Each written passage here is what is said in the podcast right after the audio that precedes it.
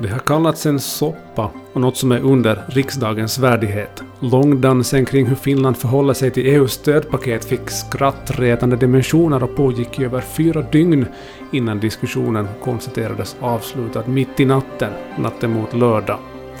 Idag röstar riksdagen och resten av EU väntar med spänning på Finlands beslut. Mitt namn är Patrik Sjöholm. Det här är Bakom rubrikerna.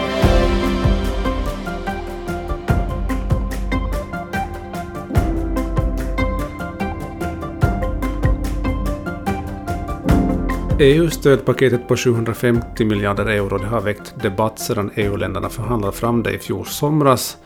Ehm, målet med det här stödpaketet så är att hjälpa länder att återhämta sig efter att coronakrisen är, är över. Men efter flera dagar och nätter av diskussioner så, så syns det inget slut på riksdagens behandling av EUs återhämtningsfond här hemma i Finland. Det har varit timslånga talturer från i synnerhet ett parti i den riksdagsdiskussionen avslutades då natten till, till lördag men hade pågått i flera dagar innan dess.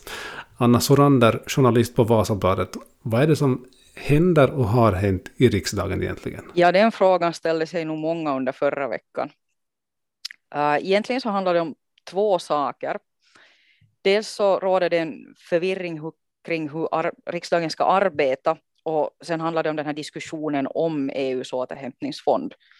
Om vi då börjar med de här oklarheterna kring hur riksdagen ska jobba, som då uppstod när vice talman Tarja Filatov inte gick med på att bordlägga ärendet. Eh, bordläggningen föreslogs av Sannfinländarna, men vice talmannen menade att man inte kan bordlägga en gång till, eftersom det här ärendet redan hade bordlagts av SDP en gång. Då protesterade Sannfinländarna och ville att grundlagsutskottet ska utreda huruvida man kan göra det här på det här viset.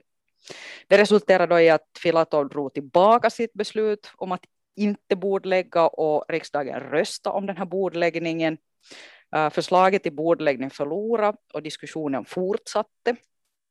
I bakgrunden eh, finns, eh, eller fanns det också ett beslut av talman Anu Vehviläinen om att stänga av den sannfinländska vice talmannen Juho Eerola under den här diskussionen som då gällde EU-stödpaketet eftersom hon då misstänkte att han med flit försöker förhala ett beslut i den här frågan. Det råder alltså för tillfället oklarheter kring hur många gånger man kan bordlägga ett ärende och saken utreds nu av grundlagsutskottet. Sen fick själva diskussionen om det här EU-stödpaketet en ny vändning på fredagen när Sannfinländarna tog till eh, en sån här förhalningstaktik. Det ryktades som att partiet hade gjort upp en lista där alla partiets riksdagsledamöter i turordning håller anförande fram till kommunalvalet. Eh, det längsta anförande hölls då av eh, Sebastian Tynkkynen som talade i över åtta timmar vilket faktiskt är nytt rekord. Uh, diskussionen kring det här EU-stödpaketet höll då sammanlagt på i drygt fyra dagar före den tog slut, som du sa, då, natten mot lördagen. Och enligt uppgifter från eh, riksdagsinformationen så kommer riksdagen nu då att rösta i ärendet på tisdagen. Jag får två, två tankar i mitt huvud. Det är kanske dels det här med att Eh, att man inte har arbetssättet på klart i riksdagen efter att, jag menar, det är ju, det är ju folk, riksdagsledamöter har ju mötts i riksdagen hur länge som helst att man inte vet vilken tågordning saker och ting ska gå. Och dels, hur kan man prata, eller hur kan man ha så mycket att säga att man står och pratar i åtta timmar? No, det här med arbetsgången i riksdagen, så det, det är komplicerat. Det kommer man inte ifrån och man kan kanske inte kräva att enskilda riksdagsledamöter ska kunna allting runt detta. Däremot så tycker man ju kanske att det är lite underligt att, att eh, de som då ska vara, alltså tjänstemännen här då inte har detta på klart. Eh, men det här ska som sagt nu då utredas i grundlagsutskottet och förhoppningsvis så kommer man fram till någonting som gör detta klarare för framtiden. Men just i det här fallet så kommer man inte att hinna eh, tillämpa någon, nya, någon ny arbetsgång. Mm. När det gäller, gäller det här att varför, varför det inte finns något avslut på diskussionen och hur man kan tala så här mm. länge så finns det faktiskt eh, ingenting sagt om hur länge en diskussion kan pågå. Uh, I det här fallet så handlar det då om ett, ett ärende som väckt starka känslor. Det handlar alltså om, om EUs återhämtningsfond på sammanlagt 750 miljarder euro och då unionens sjuåriga rambudget som går lös på över tusen miljarder euro. Sannfinländarna och Kristdemokraterna har starkt motsatt sig den här fonden som alltså då är tänkt att hjälpa EU-länder att återhämta sig efter coronakrisen och Finland hör då till nettobetalarna. Uh, riksdagens grundlagsutskott har slagit fast att det krävs två tredjedelars majoritet för att kunna godkänna det här stödpaketet. Uh, det betyder att också delar av oppositionen måste rösta för det här paketet för att det ska gå igenom.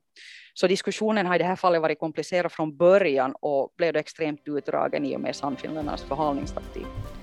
Du lyssnar på nyhetspodden bakom rubrikerna som produceras av Vasabladet. Alla tidigare poddar hittar du på vasabladet.fi snedstreck lyssna. Det har blivit nästan 40 avsnitt så här långt om aktuella händelser i Österbotten, i Finland, i världen. Så gå gärna in på den adressen för att bekanta dig med alla avsnitt som har gjorts hittills. Nu finns också alla avsnitt på plattformar där poddar finns, till exempel Spotify eller Apple Podcasts. Så klicka gärna på följ eller prenumerera så missar du inte heller när det kommer nya avsnitt av Bakom rubrikerna. Och till dig som ännu inte är prenumerant, bekanta dig gärna med våra olika alternativ och stöd på det sättet vår journalistik. Tusen tack för att du lyssnar. Vad ville Sannfinländarna med den här taktiken? Och, och, kan man tänka sig att, eller jag har i alla fall svårt att föreställa mig att det skulle som på något sätt gynna partiet när det kommer till liksom det kommande kommunalvalet eller kommande opinionsundersökningar eller har jag helt fel? Nu själv säger ju Sannfinländarna att, att man vill ha en ordentlig diskussion om EU-stödpaketet. Uh, men efter förra veckans drama är det många experter och politiker från andra partier som menar att Sannfinländarna vill ha uppmärksamhet inför kommunalvalet.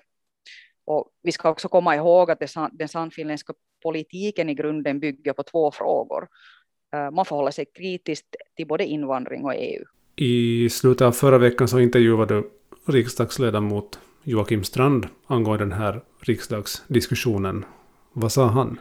No, han tycker förstås att den här typen av soppa är under riksdagens värdighet och det kan man ju hålla med honom om. Att diskutera bara för att förhala ett beslut och att taktikera med tekniska saker, nu tänker jag då på vice talman Juho Eerola, hör inte hemma i en civiliserad demokrati. Uh, Strand tänker också framåt. Uh, nu när vi har kommunalval och om knappt två år så är det riksdagsval. Uh, enligt opinionsmätningarna är Sannfinländarna det största partiet. Men när man beter sig så här, vem vill då samarbeta med dem? Frågar sig Strand. Och det är också en, en legitim fråga. Mm. Ja, precis. Han, han pratar också om, om Finlands ställning inom EU. Finland är ju känd som en stabil och pålitlig samarbetspartner men att Finland nu eh, rör till en sån här soppa kring stödpaketet inger ju inte direkt förtroende. Uh, Strand tycker också att det har varit lite för lite fokus på vad stödpaketet faktiskt kan ge Finland. Jo, vi är nettobetalare, eh, men om man ser på helheten så är återhämtningsfonden inriktad på ny teknologi och digitalisering, det vill säga områden där Finland har kompetens.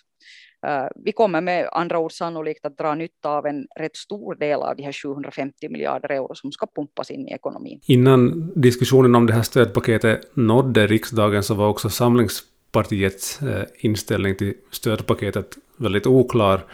Eh, hakar de på Sannfinländarnas taktik i, i, i plenisalen? gick ju först ut med att man röstade blankt i den här frågan. sen ändrade då partiledningen sig och efter att flera enskilda ledamöter sagt att de tänker gå emot det här gruppbeslutet och rösta för paketet. Det här är ett bra exempel på den obalans som råder inom Samlingspartiet, eh, speciellt om man ser tillbaka på hur EU-positivt och internationellt inriktat partiet har alltid har varit. Eh, förra veckan intervjuade jag politikforskare forskare eh, Johanna Vuorelma som talar om en spänning mellan liberalism och konservatism inom Samlingspartiet. Eh, hon säger också att den här mera extrema falangen inom Samlingspartiet använder en retorik som ligger väldigt nära den sannfinländska. Ja, precis. Nu gick det då så att eh, diskussionen avslutades i riksdagen natten mot lördag och idag tisdag då klockan 14 så, så kommer man att igen mötas. Um, då är det nytt plenum och det är dags för omröstning om det här eh, omtalade EU-stödpaketet. Um, ehm, för det handlar väl också på det viset om, om, om det att eh, Finland har EUs ögon på sig. Eftersom om det skulle gå så att man röstar emot då faller inte bara stödpaketet utan också hela den sjuåriga budgeten för, för EUs del. Men hur tror du att det, det kommer att gå i eftermiddag?